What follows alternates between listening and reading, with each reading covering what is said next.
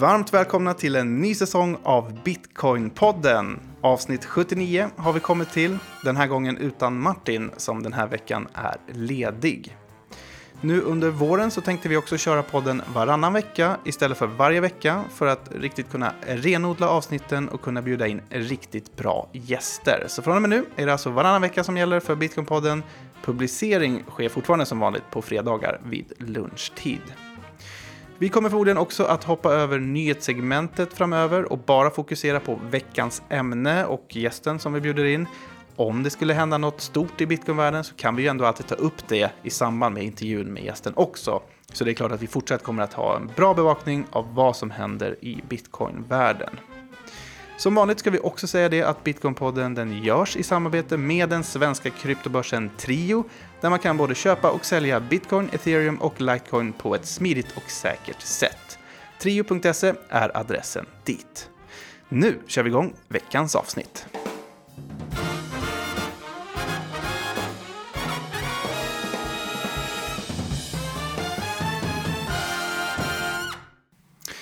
Då säger vi välkommen till veckans gäst. Det är Nordenchefen på kryptobolaget 21 Shares, Karl-Henrik Hagerup. Trevligt, trevligt. Tack för att jag fick komma. Hur är läget med dig? Väldigt bra, väldigt bra. Härligt. Eh, är det sant att du bokstavligen har flugit in till Sverige för att vara med i den här podcasten? Absolut, så det är min, på min huvudagenda. Um, samtidigt så, så gör jag lite möten när jag är här också. Så jag hade ett möte i morse uh, och ska ha, uh, ha lite i, i eftermiddag också. För mm. jag åker tillbaka till, till, till Amsterdam, var jag bor. Uh, ja, det är där du är baserad eller? Det är där jag är baserad. Men jag flög in från Zürich igår, så ja, lite, lite över hela Europa. Så vi har vårt huvud, huvudkontor i Zürich. Ah. Okay. Vi gjorde faktiskt ett avsnitt från Amsterdam under den här Bitcoin-konferensen som var där för några månader sedan. Ja, jag var där också. Ja, du var där också? Ja, Bitcoin ja. Amsterdam. Ja helt klart. Eh, men, och du är från Norge från början antar jag? Jag är norsk, ja. eh, men eh, min morsa är från Kalmar så det blir lite sån där svorska som man säger om det är okej. Så det blir lite, lite norsk, lite svensk och kanske lite engelska här idag också. Får, vi, får du bara säga ifrån om det är några ord som är inte, inte helt förståeligt. Absolut, vi säger till direkt. Innan vi börjar prata om lite vad du gör idag så mm. tänkte jag att vi kan höra lite ja, vad du har gjort tidigare. Så kan du inte berätta lite, vad har du för bakgrund? Absolut. Ehm, jag kommer väl vad man säger från eh, TradFi eh, bakgrund som är traditionell finans. Eh, så jag har jobbat runt 15 år i, London. Ehm, jag studerade där också så jag tog en, master i finans i England och ja, utexaminerad i, i 2009 så det var eh, rätt vid Lehman Brothers och finanskrisen så lite svårt kan man säga. Eh, min plan var väl att åka, alltså jobba i London så där men jag åkte tillbaka till Norge några år till, till marknaden blev lite bättre för jag, för jag flyttade till London så jag var eh, Första, första jobbet var vid PricewaterhouseCoopers eh, och så gick jag in till en eh, ja, investment bank-butik hvor jag jobbade med derivater, exotiska produkter, strukturerade produkter och sådär. Mm. Eh, och så flyttade jag till London efter ungefär tre år. Jag jobbade i Bloomberg mm. För den nordiska marknaden. Um, så jag har varit eh, uh, vid Intercontinental Exchange, så ICE, som äger eh, uh, 13 börser globalt mässigt, eh, uh, inkluderat New York Stock Exchange, uh, innan jag... Sista jobbet var hos State Street Global Advisors. De är världens tredje största fondsbolag. Cirka tre, ser man eh, triljoner eller eh, in dollars är det tre trillion dollars under management eller förvaltning. Eh, och jag täckte Spider ETFs, alltså ETF-sidan för ehm, för bolaget, för den nordiska marknaden. Ehm, så det är allt från pensionsfond till asset managers, wealth managers, um, private banking och, ehm, och, och, och, de som opererar. Så det är, har varit um, Norge, Sverige, Finland, Danmark. Eh, så jag har jobbat mot den nordiska marknaden de sista tio åren ungefär, innanför Salgo, och den biten. Vad är det som driver dig? Så det är klart, det är det att vara ute hos kunderna som, är, eh, som jag tycker är trevligt. Så vara här på resa, sitta här med dig, sitta här med kunden som jag gjorde i morse. Um, höra vad de är intresserade i och så självklart fortälla vad vi gör och hur vi kan hjälpa dem um, bygga sin portfölj eller höra om ting som vi kan bygga av produkter eller andra ting som, som passar in i, i, deras, uh, i deras vardag eller deras investeringsfilosofi. Mm. Eh, det här är ju Bitcoin-podden, så jag tänkte vi kan prata lite Bitcoin också, såklart. Eh, när upptäckte du Bitcoin? Så det är ganska många år sedan faktiskt. Jag, jag kommer ihåg jag var hos, där jag jobbade i Bloomberg så kunde man väl, man kunde väl köpa vad var det, en kaffe för en bitcoin på den tiden. Så det är rätt många år sedan. Eh, så jag kollade på det idag och tyckte det var jätteintressant. Eh, Uh, men tyvärr så gick jag inte in på, eller köpte något eh, den gången. Men jag har följt, följt det hela vägen och sett liksom utvecklingen har ting, har ting har föregått. Så, eh, men det är klart, det var först då jag verkligen blev, började jobba i, i 21 shares för jag blev exponerad mycket mer till, till bitcoin och kryptovaluta och, och blockchain-teknologi generellt sett. Ja, och hur, hur länge har du varit där då? Så jag började förra, förra maj, så maj 2022. Ah, okay. Mm. Så det är väl eh, åtta, åtta månader sedan tänker jag. Ja, så det är egentligen sedan dess som du verkligen har eh, gått in på bitcoin och vad det handlar om och, och krypto och sådär? Ja, så man får se lite, lite nyare än kanske andra du pratar med här. Men uh, jag är jätteintresserad. Jag läser upp på allt möjligt mm. när det gäller det här. Och vi, uh, vi kommer inte komma uh, mer in på det lite sen. Men vi har också ett research team på sju stycken. Så vi får mycket träning och mycket ting vi går... Mm mycket lärdom innanför, innanför kryptovaluta mm. genom, genom jobbet. Men du, tycker du att även altcoins och sånt är intressant? Eller är det... Absolut. Um, vi har, alltså, eh, 21 Shares, vi har 48 produkter. Vi kan kanske gå, eh, prata om sen, men vi, vi har ett väldigt brett, eh, brett spektra av vi kollar på. Det, det, det händer ju väldigt mycket, mycket inom för, för kryptovaluta. Mm. Mycket developments med både stora och större protokoller. Eh, så vi, vi kollar på, på jättemycket. Om vi eh, stannar lite vid bitcoin. Hur, hur, ser du på bitcoins roll idag och i framtiden? Det har ju funnits i 14 år här nu snart. Mm. Så bitcoin ses ju mycket som en store of value, um, om man ska säga.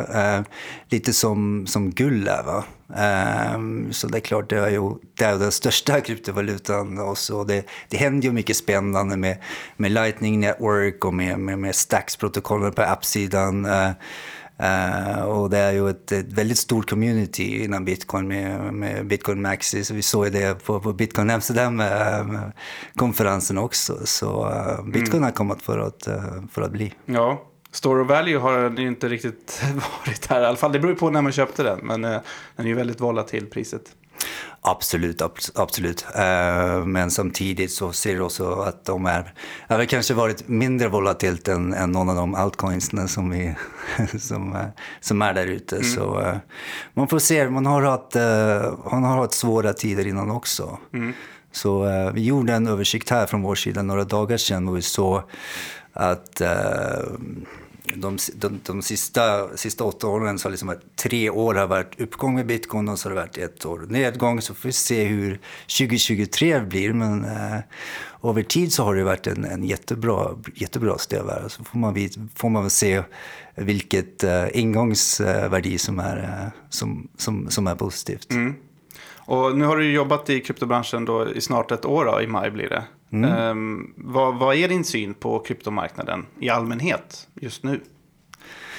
Så det, det händer ju jättemycket. Alltså jag, jag gick ju från traditionell finans till, till kryptovärlden för jag har jättetro på det. Va? Ja, vad var det som eh. lockade där då? Det, det är klart, alltså, om jag kallar krypto för framtiden är kanske lite kliché, men alltså jag tror verkligen att detta kommer att vara det det vad framtiden kommer att bli, alltså med blockkedjeteknologin och allt som händer runt det. Um, så uh, det kommer att vara disruptive på, på alla sätt. Uh, inte bara i banking, och vi kanske har sett um, sett större framåt med tokenizations av obligationer eller bonds och annat, men uh, innanför, innanför tech så det, det, det, händer så mycket. Ehm, um, på ethereum så är det som runt 4 000 developers som jobbar med det. Så Bland annat.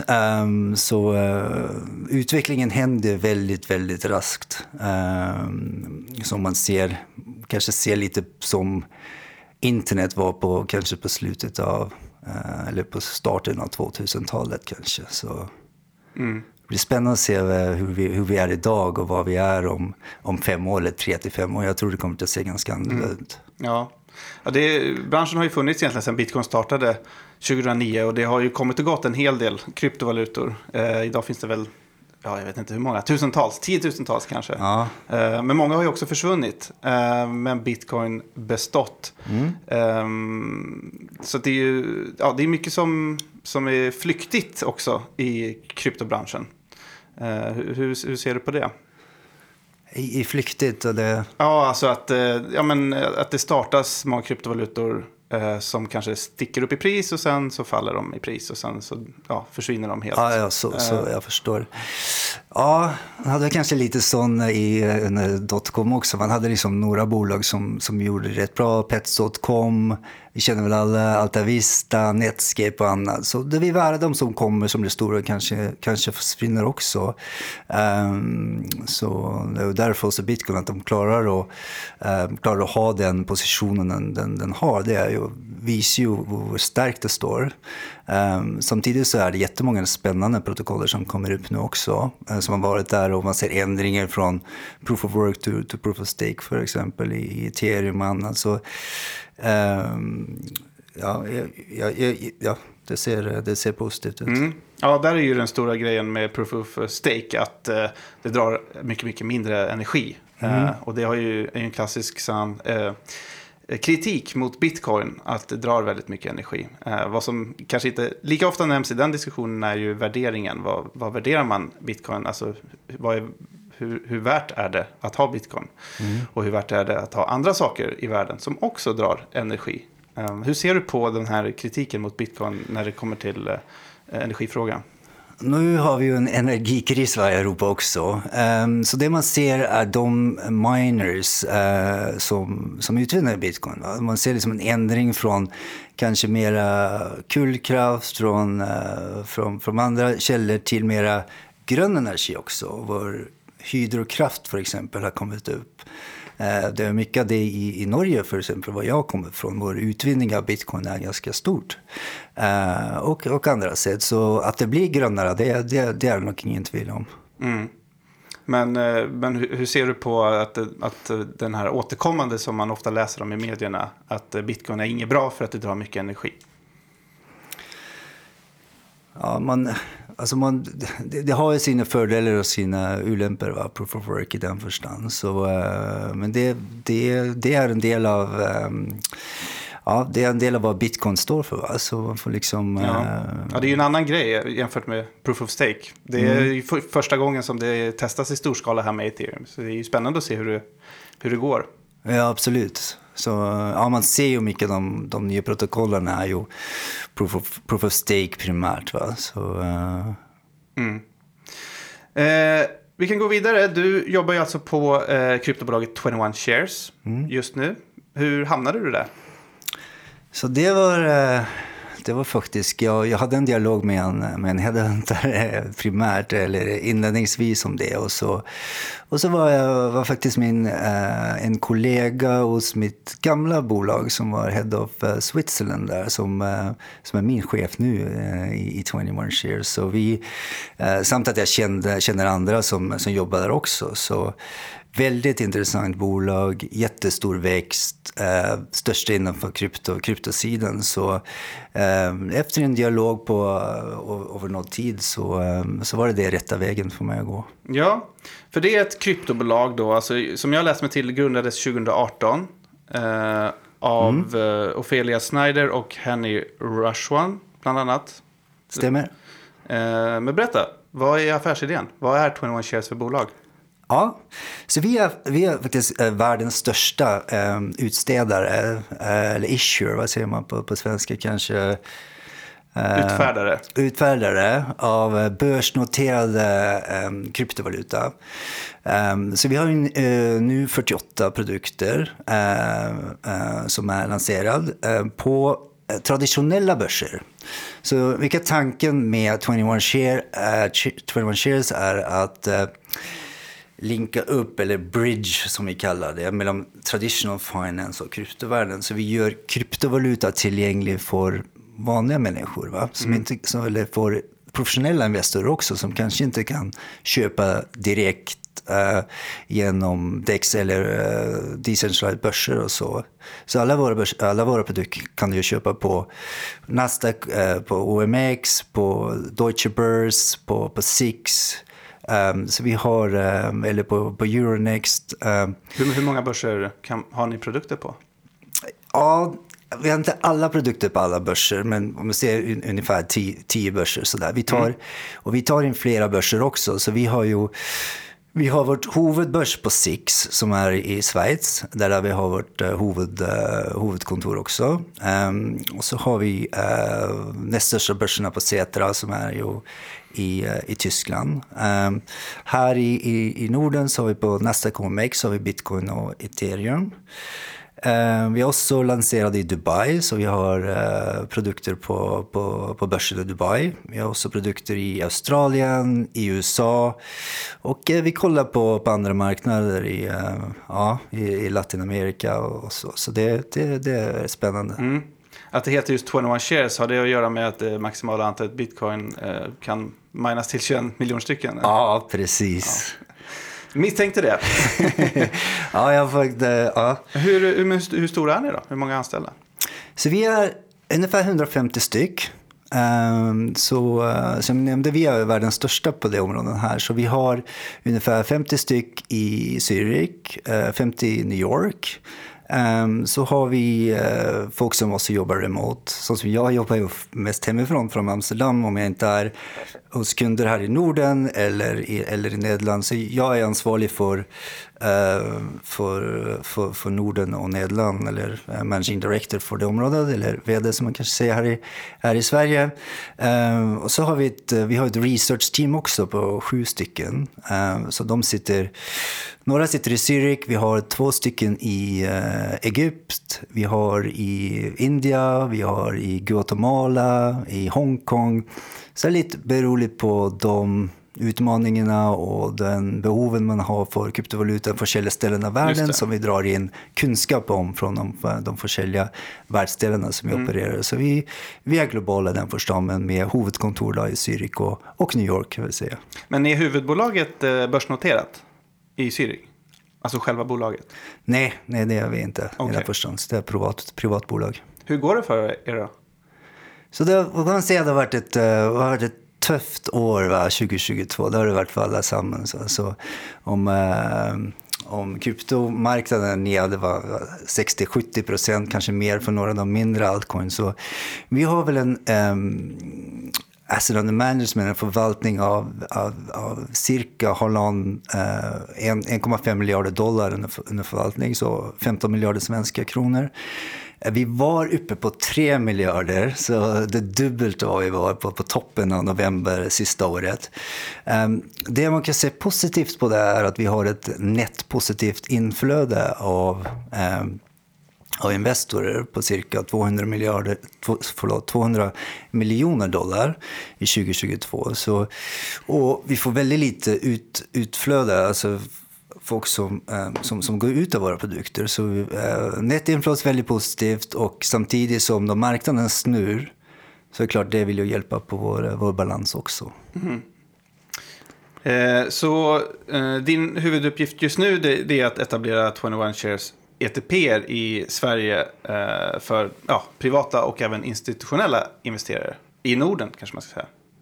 I Norden och i Nederländerna så vi jobbar mycket mot institutionella kunder och det är också min bakgrund. Uh, så jag kommer ju från ETF-sidan och många av dem vi har en, en anställd på, på, på, på den kundförhållanden är ju från, från den sidan. Mm. Uh, så vi har folk från, uh, från Blackrock, från, jag från, från State Street, vi har från andra från, från, från liknande bolag. Um, så vi, vi har, alltså, vi har som jag nämnde två, två produkter här på, på, på den svenska börsen. Men, eh, så vi har verkligen tro på ETP-strukturen för att göra det enklast, enkelt för folk att investera uh, i, i krypto i den första Ja. hand. Ska, vi, ska vi förklara kort vad en ETP är exakt? Ja, det är klart. Det kan jag göra. Så ETP är, alltså det är Exchange Traded Product. Så under ETP kommer ETFer, kommer ETC som är Exchange Traded Commodities. Ehm, um, ETP står för Exchange Traded Products. Um, så vi kan inte kalla det direkt en ETF, um, ehm, men det opererar på samma sätt uh, som, en, som en ETF. För det är Eh, Exchange Traded Fund då? Ja, riktigt, riktigt. Så för exempel de produkter vi har i Australien kallar vi dem ETFer, men det har lite mer regleringar som vi har här i, i Europa, att ETF må vara diversifierad, eh, det må vara aktier eller, eller um, obligationsunderliggande. Um, men vi har, men det är på samma sätt på, som ETFer, vi har eh, flera market makers som ställer priser i våra produkter. Eh, på, på, på svenska börsen och de andra börserna. Eh, så man kan handla direkt genom plattformar här i Sverige som, som eh, Nordnet eller Avanza och våra produkter. Eh, Ja. men, men, också, eh, men också institutionella kunder kan också handla våra produkter genom eh, för exempel eh, vad som kallas multiple RFQ, landat genom Bloomberg-terminalen, genom andra OTC som, man, som, som det heter. Alltså mycket av vårt fokus har varit, eller mycket av mitt fokus är faktiskt mot de institutionella kunderna. Samtidigt som vi får mycket eh, flöde från retailkunder så, så ser vi ett upptick i intresse från eh, från, från större kunder, alltså speciellt innanför wealth management-segmentet, private banking och eh, family offices. Mm, Okej. Eh, för svenskar så finns det ju fler eh, derivat på börsen om man vill få exponering mot eh, kryptovalutapriserna. Eh, varför ska man välja era produkter där?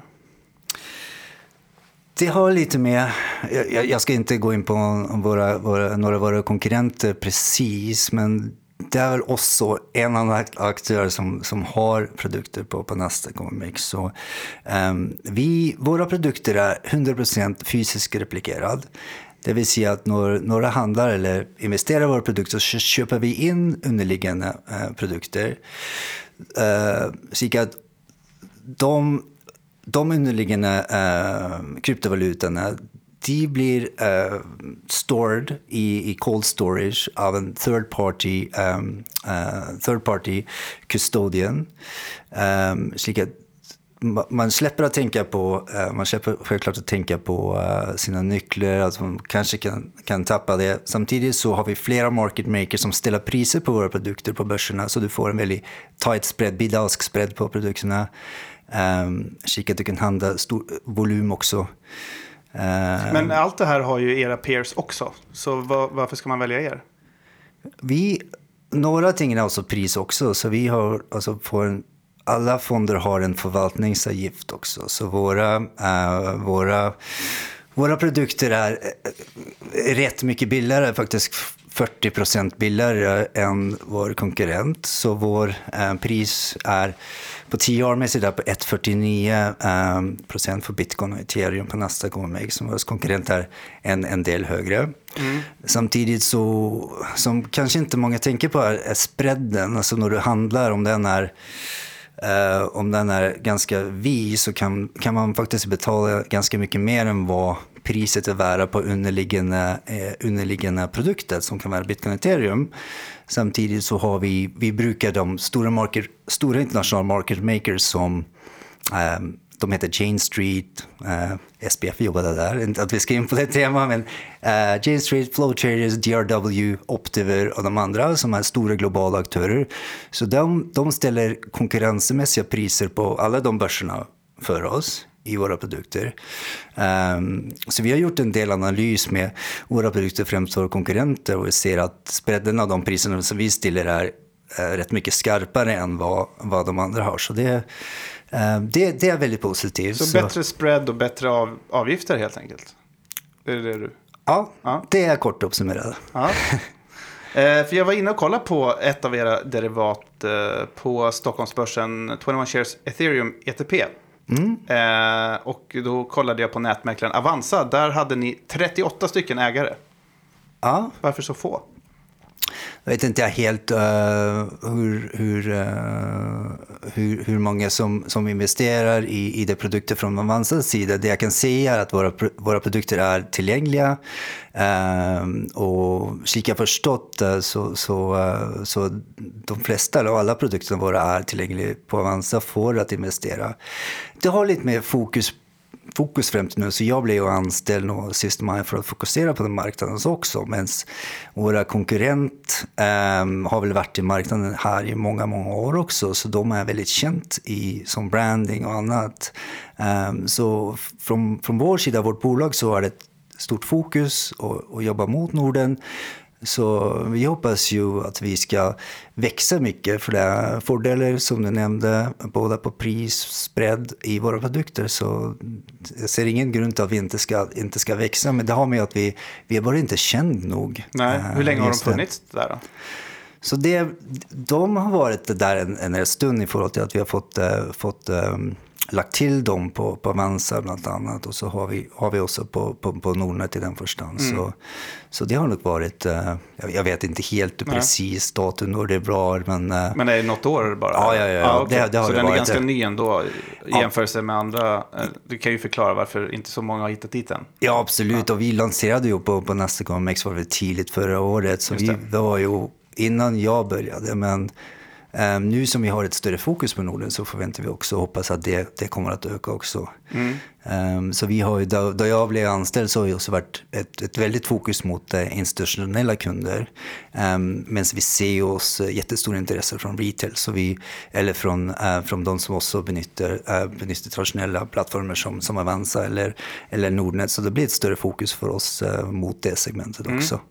Ja, ni fokuserar på att växa och eh, bli större nu och mer att fler känner till er. Mm. Eh, vad, vad är de stora utmaningarna med ert arbete skulle du säga?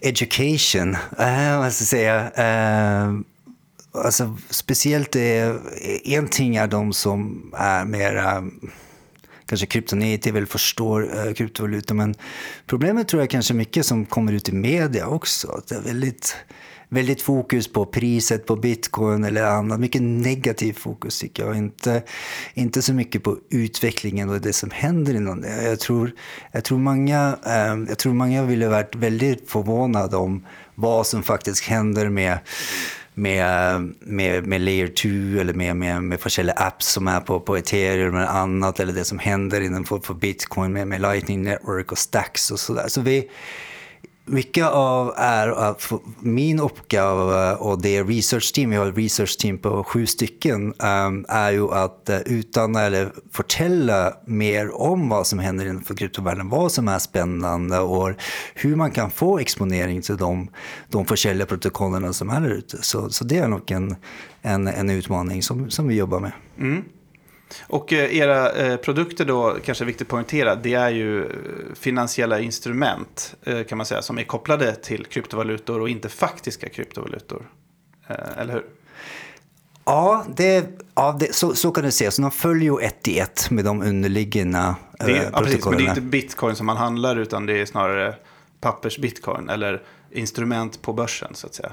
Det är de man handlar och köper, och säljer. Ja, det är korrekt. Så det är börsnoterad produkt på underliggande. Men samtidigt som när, när de köper produkter så köper de också ett i ett av underliggande bitcoin som då ligger i cold storage i en wallet. Så, så, det, det, ser, så det, ser ni till att det sker liksom? Ja, 100 procent. Och det hålls hos en third party också. Så mm. om något skulle hända med 21 shares eller annat så, um, så är den säkert hos en third party i den första. Så det, allt, allt är i har vi ehm, i cold storage, det vill säga i nycklar som aldrig är connected till, till internet och aldrig varit connected till internet.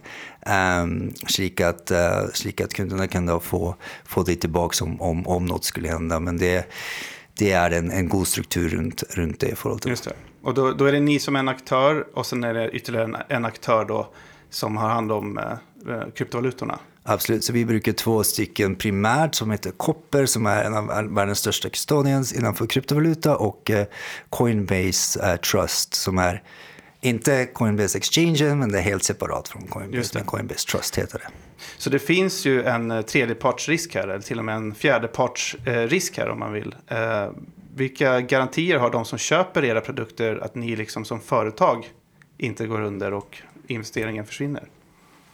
Så det är den eh, administrationen som om något skulle hända från vår sida så, så, så, ligger ju den fysiska hos kustodien. Så vi kan inte, vi kan inte, vi har inte tillgång till den krypton alls. Det är inte så att vi kan gå in och, och göra något med det. De, de är separat hos de bolagen. Som, som om eh, kustodien hos en traditionell asset manager också är separat hos en, hos en kustodien. Men det tillhör väl eh, 21 shares? Bo, alltså tillgångarna? Det var lite komplicerat. Alltså, vart produkt är lanserad i en, vad som kallas en SPV, alltså Special, uh, special uh, Purpose Vehicle. Um, och vart produkt är, är i en egen silo. Så varenda, um, om, om varenda produkt vill då ha den SPVn så om det skulle hända något med, ehm, med bolag i den förstand så, ehm, så har det inget, inget recourse till, ehm, till de försäljliga underliggande SPV-erna, om, om jag kan förklara det. Okej, okay, för det, det, är ju liksom ingen bank, utan det här är ju ett privat bolag i Zürich. Och om det skulle gå under, mm. då är det kanske många som undrar, vad är det som händer med kryptovalutorna? Om, eh, om 21 Shares då, i det fallet kanske har eh, skulder, eh, tas kryptotillgångarna och används till att betala fordringsägare då i första hand? Eller vad, vad, har, vad har era kunder för garantier här? Ja, jag förstår. Så de, de, vi, har ingen, vi har ingen tillgång på de, de kryptovalutor alls. Det hålls hos den third party custodian. Okej, okay, och, och, i, i in case of bankruptcy så att ja. säga, vad händer då? Med bolaget vårt. Ja. Då vill, för, för de är ett annat bolag, de är de Special Purpose Vehicle som är ett annat, annat bolag på vartenda produkt. Så om 21 Shell skulle gå under som eh, ja, ändå så, så har det inget att säga om de försäljda produkterna. De, um, de ägs av av um, investerarna som investerat i de produkterna. Så de kommer gå tillbaka till kunderna? Alltså? Absolut. Okej. Okay. Ja. ja. ja eh, det är inte, inte säkert att bolag går under, men vi har ju sett i kryptobranschen att stora tier one eh, kryptobörser kan gå under. Eh, ja. Så det är ju liksom någonting som är återkommande Nej, ändå i jag, den här branschen. Ja, absolut, det är, det är valid question. Och, och jag tänker man, på FTX naturligtvis. FTX är en ting, men också, man kan också lansera kryptoprodukter eh, på, som är syntetiska, hvor man, liksom, hvor man har en motpartsrisiko. Och man må, ehm, eh, men för oss är det 100% fysiskt replikerad, så det vill vill inte bero, eh, bero ändå. Så alla, alla, eh, alla valutorna är i på nycklar som är separat, som vi inte har tillgång till, som är third parties och custodian. Och det är deras jobb, så det är det de, det är det de gör. Så, mm är sånt sätt, så. så era kunder kan vara säkra på det, att de får tillbaka sina tillgångar om det skulle hända något mer? Absolut, 100 procent. Ja. Um, om vi ser på bitcoin, skulle du hålla med om att ett av syftena med bitcoin är att uh, skära bort mellanhänder?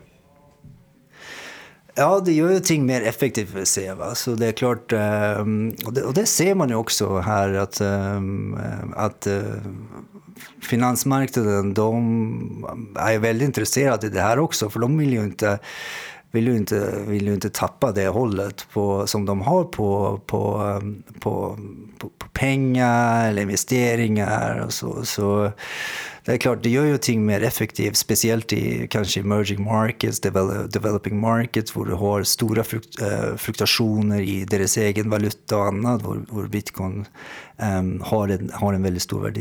Mm -mm. Men äh, om ett av syftena är att skära bort mellanhänder, är inte ni just en mellanhand för att handla syntetiska bitcoin? Går inte det lite emot bitcoin-ideologin? Alltså vi är inte synteser, vi är 100% eh, fysiskt replikerade, så vi köper ju en underliggande. Men vi, våras... Jo, men i en mellanhand. Ja, vi är ju, våras jobb är att pröva att göra det enklare för folk att investera i den, eh, den assetklassen, eh, i den förstående digitala assets.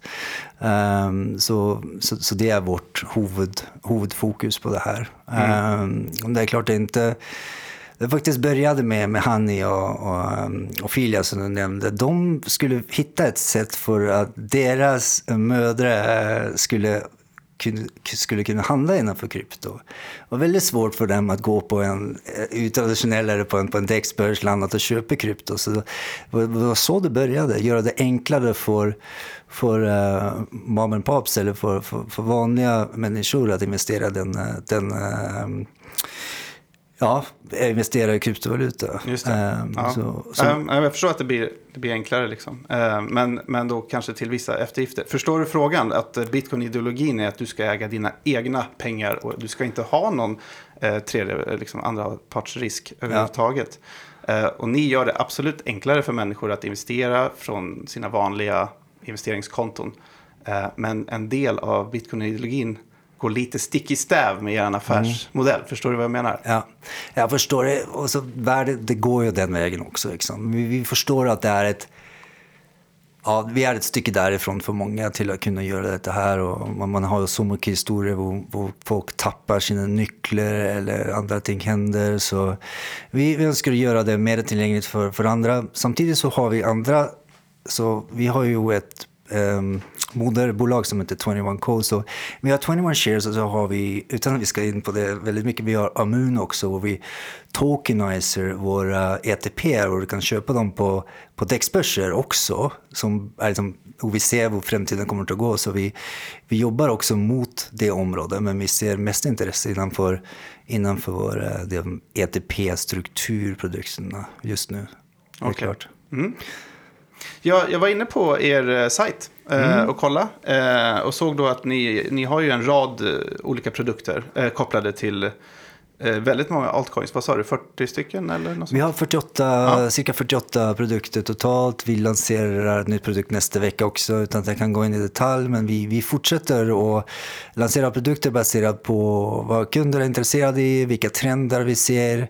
Eh, så det är inte bara single coins, alltså vi gör ju baskets också. Och det var, det var så vi startade första produkten, heter faktiskt Hodl. Uh, så folk känner Hold on for dear life. Så det är, um, de, um, det är sådär fem kryptovaluta.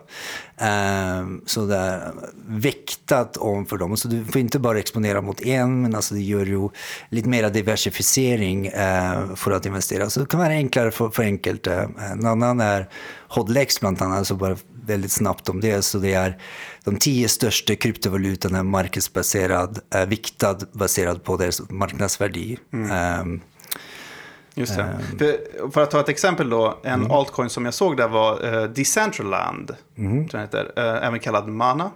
Um, den har ju tappat 90% i pris under det senaste året.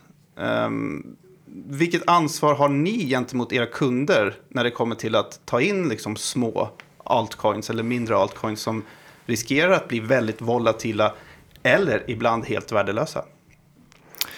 Ja, vi, vi ger ju inte några finansiella anbefallningar i den förstånd. Um, ehm, och det är klart, det, vi, vi har haft eh, intresse från investorer innanför eh, Decentraland och det är klart, vi, vi såg att det är en, en möjlighet för att lansera ett produkt innanför det.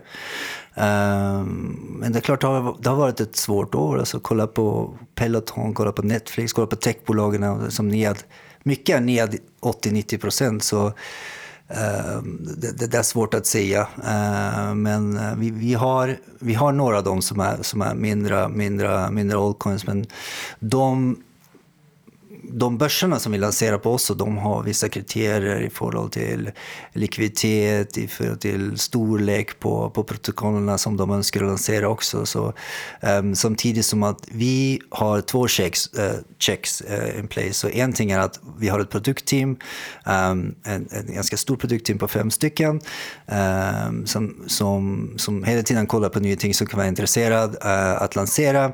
Och så har vi oss, uh, mig själv och, och teamet som innanför för, på säljsidan, på kundsidan som får feedback från kunderna vad de önskar. Och så har vi också research-teamet på, på sju stycken som är som sista checks and balance som kollar, okej, okay, är detta en god idé? Borde vi lansera något på det? Vad är risken? Mm, Sällan vi kan lansera det, borde vi göra det. Så vi, eh, vi ser på det på, på olika sätt. Mm. Um, ja, ni, gör, ni gör DD liksom på allt ni tar in, helt mm, enkelt. Absolut. Ja. Uh, för kryptovalutor generellt är ju risktillgångar får man säga. Eh, det är ju eh, historiskt har varit väldigt, väldigt volatilt. Men också någonting nytt och spännande. Så det är ju många nya människor som kommer in och är intresserade av eh, kryptovalutor. Och det händer ju mycket när kursen går upp så blir det ju mycket, vad ska man säga, action liksom. Och, och sådär. Eh, så jag är bara lite nyfiken på vad, vad ni tänker kring det ansvaret. Att informera de som kommer in och vill köpa era produkter. Att det här kan gå ner väldigt fort och upp väldigt fort. Så att, att det kan finnas en risk att eh, folk bränner sig helt enkelt. Mm. Ja, det, är, det, det, är absolut det är väldigt viktigt, eh, viktigt att du säger. Alltså vi, alla våra produkter är ju också reglerade eh, här i Europa. Eh, om du går in på, på vår hemsida eller ska, ska köpa våra produkter genom plattformar här, här, i Sverige så kommer det väldigt klart fram vad, vad risken är. Eh, man kan ju också se historiken på det här men man har ju regleringar som Mifid och annat och man, och man ser också var var den är på, på riskskalan. Uh, eh, så, så det är klart, men ja, utan att ge några finansiella råd så, så vill jag vara ändå um, um, kan vara lurt att diversifiera sin investeringsportfölj ändå. Kanske putta lite grann i kryptovaluta och så ha en större portfölj innanför aktier och kanske obligationer också. Så krypto kan ju ge en, en mervärde i, i, sin, i, sin hel, i sin overall, eh, i den, i den större portföljen vill jag säga. Mm. Eh, om vi eh, ser lite in i framtiden då. Vad mm. händer härnäst för er? Alltså Vad har det, ni på gång? Ja, det är jättemycket mycket spännande. Så nu efter sommaren så lanserade vi 21 Calls och 21.co eh, som är vårt eh, parent eller modersällskap. Så vi hade en ny fundingrund här efter sommaren där vi hämtade in i dollar 25 ehm, miljoner dollar. Och det, och det gav en värde på vårt bolag till eh, 2 miljarder dollar, så vi är en double unicorn nu. Klart, eh, inte lätt att hämta pengar i 2022, så vi, var, eh, vi, har, vi, har, gjort, vi har gjort, ett, gjort ett bra jobb. Um, vi, är, vi har cirka, av ETP-marknaden i Europa så har vi cirka 45 procent av marknaden. Uh, och vi växer. Uh, så vi, vi ska fokusera på, på det vi gör uh, och växa och jobba med education um, och, och, och, och, fortsätta lansera produkter som är av intresse för våra kunder. Um, och vi har lanserat den nya marknaden som jag nämnde och som vi ska fortsätta göra.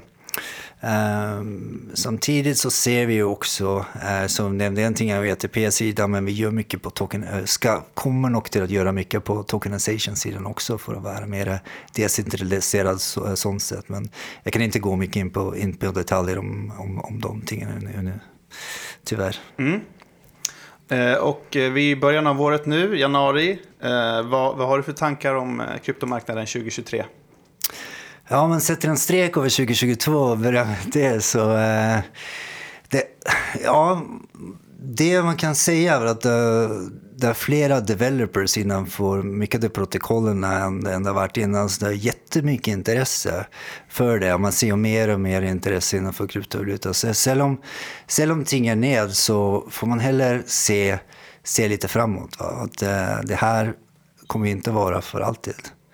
Eh, om, om det är rätt tid just nu, det, det är svårt att säga. Um, Samtidigt som du ser på ethereum så har de uh, eh, 4 000 developers som jobbar med det. Nu hade vi The Merge som är jätteintressant. Um, om vi ser på andra, utan det ska gå väldigt mycket inte på protokollet, så har liksom Polygon som är, som är otroligt intressant. Um, så um, jag tror 2023 blir ett, blir ett spännande år. Men så har du utmaningar med inflation, alltså med makrobildet som vi ser. Så Eh, det har ju visat att kryptovaluta, i varje fall i 2022, är ganska ja, korrelerad med, med techbolag speciellt. Ehm, så ehm, nu kanske förväntas det att inflationen går nog ned och man kan få en mer positiv bild på det och får man se, se hur, hur, ehm, hur krypto kommer att gå Um, kommer inte att gå med, med resten av, resten av dem uh, med, med aktier och annat. Men uh, uh, jag, jag, tror det blir ett spännande år. så får vi se nu, nu ting snur. men jag är definitivt bullish. Mm. Karl-Henrik Hagerup, Nordenchef för 21 Shares. Stort tack för att du kom hit idag. tack så mycket för att jag fick vara här. Eh, och stort tack också till dig som har lyssnat. Glöm inte att följa oss på Instagram där vi heter Bitcoinpodden. Nu tackar vi för oss och önskar en fortsatt trevlig vecka.